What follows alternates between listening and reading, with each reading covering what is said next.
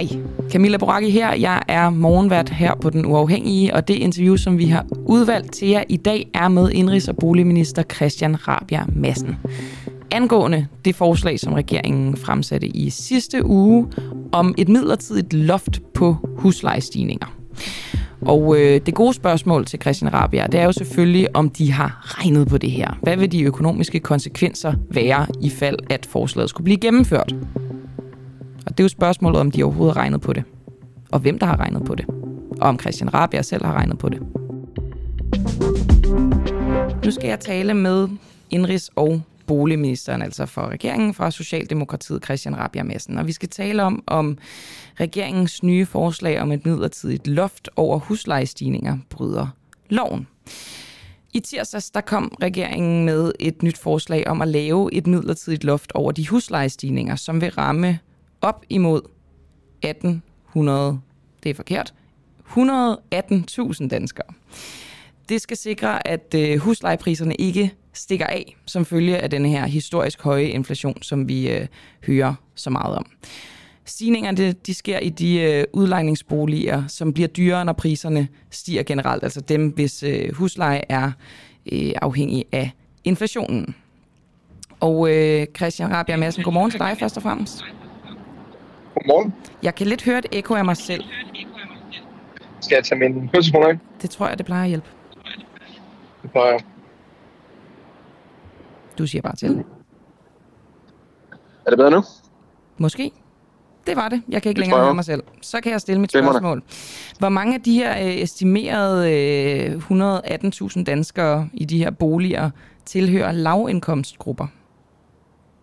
Det kan jeg ikke give noget øh, præcist svar på. Øh, det er heller ikke helt 118.000. Jeg tror, det tal, vi opererer med i, i ministeriet, er 160.000, og jeg tror, lejeorganisationerne opererer med 180.000. Øh, men der er ikke tale om de lejere, øh, som har de, de laveste indtægter. Øh, det ligger fast, fordi det er relativt øh, dyre øh, lejligheder. Til gengæld er det den gruppe af lejere, som risikerer øh, den, den klart højeste den klart højeste stigning i lejene, fordi deres leje er reguleret efter nettoprisindekset, og det er derfor, at vi ønsker at, at, øh, at sætte en, et loft over på den korte bane, hvor voldsom stigning de kan opleve, og så på den længere bane øh, få udarbejdet et, et nyt indeks, som, øh, som i højere grad afspejler de reelle stigninger i udgifter, som, øh, som, lejerne, som, som udlejerne har. Så det her, det øh, er ikke at hjælpe dem, som har svært ved at betale. Det er dem, som I synes, det er synd for, fordi det er reguleret med inflationen eller med nettoprisindekset. Ej, jeg tror ikke, der er tvivl om, at de mennesker, vi taler om her, øh, også kan opleve, at det kan være vanskeligt at betale, og derfor kan risikere at må øh, gå fra hus og hjem. Hvordan kan du Fordi vide vi det, hvis, nogle- øh, hvis du ikke har kortlagt, hvilke grupper de er fra? Det jeg kan se, det er, at hvis man øh, risikerer at opleve en, øh, en huslejestigning på, øh, på 8-9 procent, øh, så er det så voldsomme stigninger, at det for øh, mange typer af økonomier vil være en, en meget, meget betydelig udfordring. Og øh, der har også været en, en, række, en række stemmer i debatten, øh, altså simpelthen sager, øh, hvor, hvor, øh, hvor lejerne har sagt, at, at øh, det vil de ikke kunne, kunne håndtere. Øh, og så er det også vigtigt at være opmærksom på, at selvom det helt generelt er sådan, at, at de her lejre ikke er blandt de fattigste, så øh, er der jo masser af unge mennesker, som, som deler øh, større lejligheder, og som også vil blive ramt. Så jeg tror, det er ikke generelt er det ikke de, de fattigste lejere, men, men det vil være lejere, som øh, er blandet, og som har forskellige økonomiske udgangspunkter, og som risikerer at opleve meget, meget voldsomme huslejestigninger, og klart de højeste huslejestigninger på øh, lejemarkedet. Øh, nu tillader jeg mig lige at blive lidt teknisk, fordi der er, nogle, der er nogle ting, jeg har undret mig over i de her forslag. Altså først og fremmest ved de kontrakter, som udlejerne har lavet med deres lejere, hvor der står, at huslejen følger nettoprisindekset, bliver de kontrakter ugyldige, hvis I får forslaget igennem? Eller gælder det kun for nye kontrakter, som bliver indgået? Det gælder også for eksisterende kontrakter. Og det, der er udgangspunktet med det forslag, vi har lagt på bordet, det er, at hvis huslejestigningen er varslet øh, inden lovens ikrafttrædelse, så vil der være en, øh, en tre måneders forsinkelse på indfasning, hvilket svarer til opsigelsesvarslet.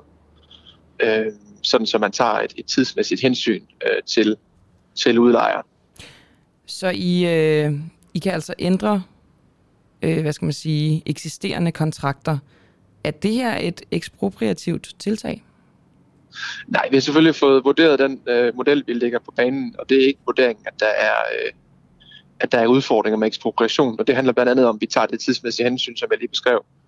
Og så mm. handler det også om, at der er en ventil i forslaget, som betyder, at hvis, hvis øh, udlejer kan dokumentere, at udlejer har haft øh, udgifter, som overstiger som overstiger en, øh, en lejestigning på de 4%, så vil man godt kunne kræve en, en, mm. en højere leje. Hvis man øh, kan så på den måde er der også en...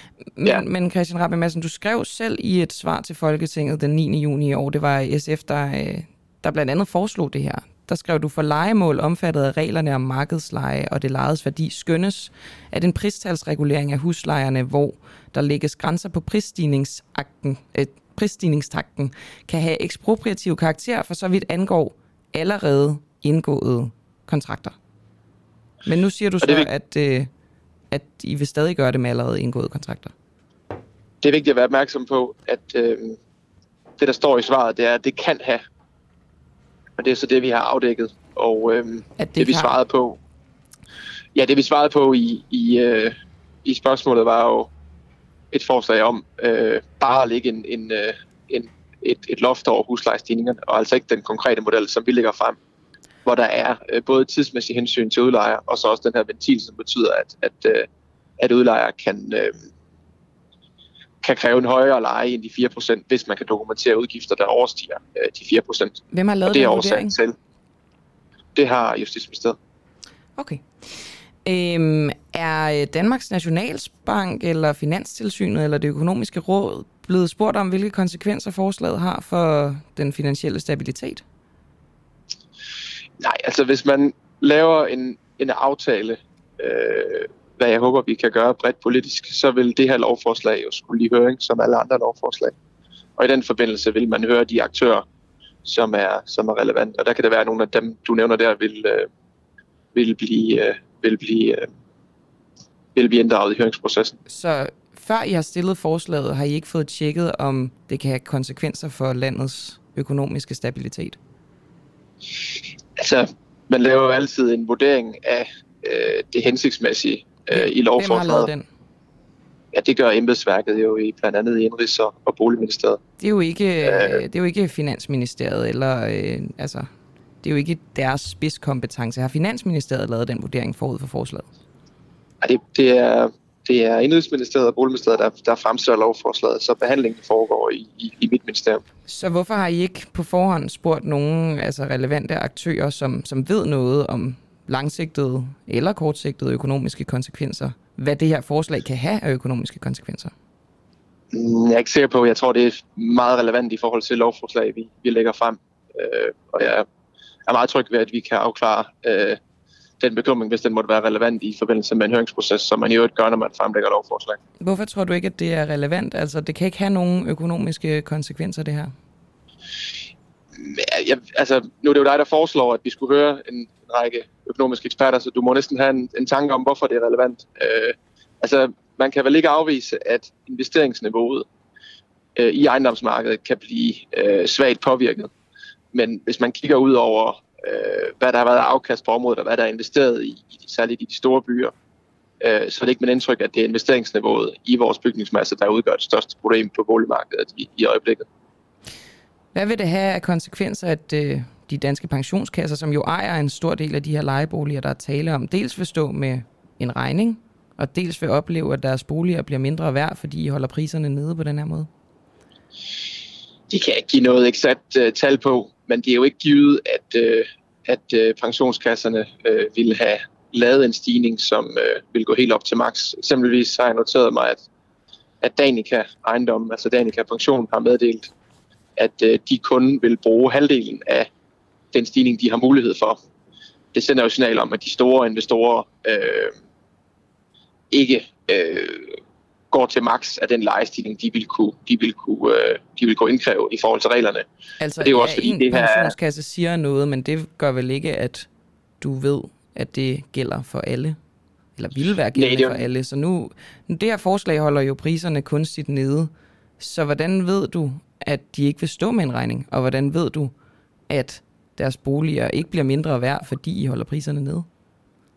Jamen, det, det kan jeg heller ikke sige noget eksakt om. Øh, jeg, jeg siger bare, at hvis jeg kigger på, hvordan markedet har ageret, øh, så har jeg noteret mig, at, at Danica Ejendom, at Danica Pension har ageret på den her måde. Og, og alene markedssituationen, øh, altså det forhold, at lejere jo også kan flytte, hvis de synes, at stigningen bliver for høj, eller hvis de ikke kan betale den, kan jo godt få nogen til at være tilbageholdende. Øh, der kan også være et helt almindeligt hensyn til, til samfundssind. Så, så øh, det er ikke sikkert, at der er den en til en sammenhæng, som du, øh, som, du øh, som, som, som dit spørgsmål øh, Nej, det er ikke sikkert. Det er, også derfor, jeg, det er også derfor, jeg spørger, og det er derfor, det undrer mig en smule, at I ikke har fået tjekket det her på forhånd af nogen, der ved noget om det. Jeg ved ikke noget om det. Nu lyder det som om, at du heller ikke ved noget om det. Hvorfor har I ikke fået det tjekket med nogen, der ved noget om det? Fordi altså, at boliger bliver mindre værd over en bred kamp, det kan vel, så vidt jeg er orienteret, have nogle kraftige økonomiske konsekvenser. Hvorfor har I ikke tjekket det? Altså, vi, vi laver jo en, en bred vurdering af, af de lovforslag, vi, vi, øh, vi foreslår. Øh, og dermed har vi selvfølgelig også øh, haft drøftelser om det her spørgsmål. Øh, men men det, er ikke min, det er ikke øh, min umiddelbare vurdering, at det vil have så voldsomme konsekvenser, som... som øh, men som, er du økonom, Christian Rabia Madsen? Nej, jeg er jo politiker, og derfor træffer jeg politiske beslutninger. Det her er den grad politisk beslutning. Men hvad kan vi så bruge din vurdering til, når det gælder langsigtede eller kortsigtede økonomiske konsekvenser? vi har jo heldigvis et land, som, som styres af, af lægemænd og politikere, som man vælger til at, at træffe beslutninger. Hvor mange og, økonomer øh, har udarbejdet egentlig, det her forslag? Hvor mange økonomer har vurderet konsekvenser? Ja, altså, hvad, hvad er der sjovt ved det egentlig? Jamen, jeg synes, at, øh, at, at jeg, jeg tror bare, at vi får et bedre land, hvis der bliver truffet politiske beslutninger af, af folkevalgte, som har et, et, et mandat til det. Og så har vi jo ansat øh, gode embedsfolk i administrationen med både skændbol-baggrund og økonom-baggrund, som, som laver vurderinger af, af lovforslaget. Og så har man i øvrigt, når man fremtager lovforslag, mulighed for at sende i vi selvfølgelig vil gøre, hvor man så kan få en mere fagspecifik og, og jo også øh, en høringsmulighed for, for de forskellige parter. Og det er egentlig en model, jeg er relativt tryg ved, for det betyder, at man får input, øh, inden man skal stemme om det i Folketinget. Men hvorfor har I ikke lavet en faglig vurdering af et forslag, I stiller? For det lyder jo rigtig godt. Der er mange mennesker, der bliver rigtig glade. Hvis det i praksis vil have økonomiske konsekvenser, hvorfor har I ikke fået den vurdering på forhånd? Ja, vi har jo lavet vurderinger, men det du spørger til, det er, om jeg kan give nogle eksakte tal øh, på, hvad det vil have økonomiske konsekvenser for en række aktører. Det, det kan jeg ikke. Men har I lavet dem? Er der lavet en altså, faglig altså, vurdering laver... på, på de langsigtede økonomiske konsekvenser? Potentielle udfald af det her? Man, man laver øh, overordnede vurderinger af, om man tror, at det her vil have voldsomme konsekvenser. Øh, hvad for... betyder en overordnet vurdering? Er det sådan en løs betyder, man eller laver... er det konkrete beregninger, eller hvad, hvor er vi henne? Det, det betyder, at man laver, man laver en vurdering af, øh, hvad, der er, hvad der er positive og, og negative øh, konsekvenser ved et, øh, et, øh, et, et, forslag. Og så når man har lavet en aftale, politisk aftale, og i øvrigt i den forhandling, vi står i nu, vil man jo have mulighed for at udbore øh, forskellige økonomiske konsekvenser øh, og, og komme tættere på, øh, hvad det vil have positive og negative øh, konsekvenser. Og det er, jo, det er jo helt almindeligt, at man laver et, altså at man fremsætter et øh, forslag, og at man så i forbindelse med en forhandling øh, får mulighed for at gå endnu tættere på øh, forslaget, også på den økonomiske side. Når man så har en aftale, hvis man kan få det, øh, det håber jeg, jeg tror det vil være fornuftigt, øh, så vil man sende et forslag i høring, øh, hvor der så er mulighed for at få input fra forskellige øh, aktører. Det følger den måde, vi laver lovgivning på i Danmark, og det synes jeg er øh, på alle måder fornuftigt og, og seriøst, og giver mulighed for, at man kan belyse forskellige elementer af, af øh, lovforslag. Vil I, Christian Rabia Madsen, lade udlejerne sætte huslejepriserne op til deres reelle niveau efter de her to år? Det er jo en midlertidig løsning, I har, øh, I har foreslået et midlertidigt loft. Ja, øh, og det er jo derfor, at vi har både en, en, øh, en midlertidig og en hurtigvirkende akut øh, løsning i form af loftet, og så ligger der en mere strukturel løsning øh, i form af, at vi ønsker et nyt indeks, øh, som stadigvæk er afhængig af inflationen, men som i højere grad afspejler Øh, de reelle udgiftsstigninger, som udlejer oplever, hvis inflationen stiger. Det kunne eksempelvis være ved at, at rense for, øh, for energistigninger øh, og energistigningers påvirkninger i indekset, og også øh, rense for, for fødevare. Øh, særligt fordi, at øh, hvad angår energi, så betaler lejerne jo ved siden af deres husleje for, for energi. Og derfor har vi en situation i dag, hvor man risikerer at betale for en energistigning øh, to gange. Så den langsigtede løsning er et, et nyt og mere afbalanceret indeks. Men hvis vi nu siger, at inflationen ikke falder, så vil der jo stadig være, altså I har sat loftet ved 4%, at det, det er det maks må følge. Hvis vi nu siger, at den ikke falder, inflationen, det ved jeg godt, at vi alle sammen håber på, men det kan vi jo ikke vide, mm. så er der alligevel et ret stort spring efter de to år til den reelle husleje, hvis vi nu siger, at inflationen har ramt 10% i forhold til de 4%. Men er det så bare det? Altså, så kan man så vente sig efter de to år, at huslejen den springer. Det må være lidt et chok for sådan en udlejer, eller en lejer. Jeg, jeg tror ikke, det er det mest sandsynlige scenarie, men, men, øh, men det er jo derfor, jeg siger, at, at det vil være en fordel så at få et nyt indeks, som, som afspejler mere reelt, hvad udlejers øh, udgifter øh, til det enkelte legemål er. Så vil I kun gennemføre det her forslag, hvis I også får øh, indekset med? Det nye indeks? Vi, vi har foreslået øh, det her samlet, og jeg tror, det vil være mest fornuftigt at, at gennemføre samlet. Og det må vi så tage, tage i en, en forhandling. Jeg skal bare lige øh, være helt sikker på det her, som, øh, som vi snakkede om før. Det her forslag, du siger, det er udarbejdet af dine embedsmænd, men hvor mange økonomer har der siddet i blandt? Jeg, jeg kender ikke uddannelsesbaggrunden for, for alle mine øh, dygtige embedsfolk, men det er, det er meget, meget kompetente folk, som jeg er fuldstændig tryg, tryg ved. Så det her forslag, som i høj grad har indflydelse på økonomien, der ved du ikke, hvor mange økonomer, der har været med til at udarbejde det? Jeg, jeg tror ikke, der findes nogen minister, som i et uh, morgenradio vil kunne svare på, hvor mange økonomer de har ansat i deres ministerium. Det kan jeg heller ikke. Og heller ikke på det her konkrete forslag? Altså, det vil jo kræve, at jeg kender uddannelsesbaggrunden på, på alle de embedsfolk, som har arbejdet for det. det. Det gør jeg jo i sagens natur ikke. Okay. Men du siger, der ligger en faglig vurdering til baggrund for det her? Ja, ja det gør der. Okay. Jamen, så må vi jo bare kigge ind i den. Jeg vil heller ikke kræve af dig, at du, øh, du kender alle dine ansattes uddannelsesbaggrund på den måde. Det, øh, det ser vi videre på, Christian Rabia Madsen. Jeg tror, at det var det. Tak for at snakke. Selv tak. Hej igen. Ja. Altså den socialdemokratiske indrigs- og boligminister Christian Rabia Madsen her i interviewet.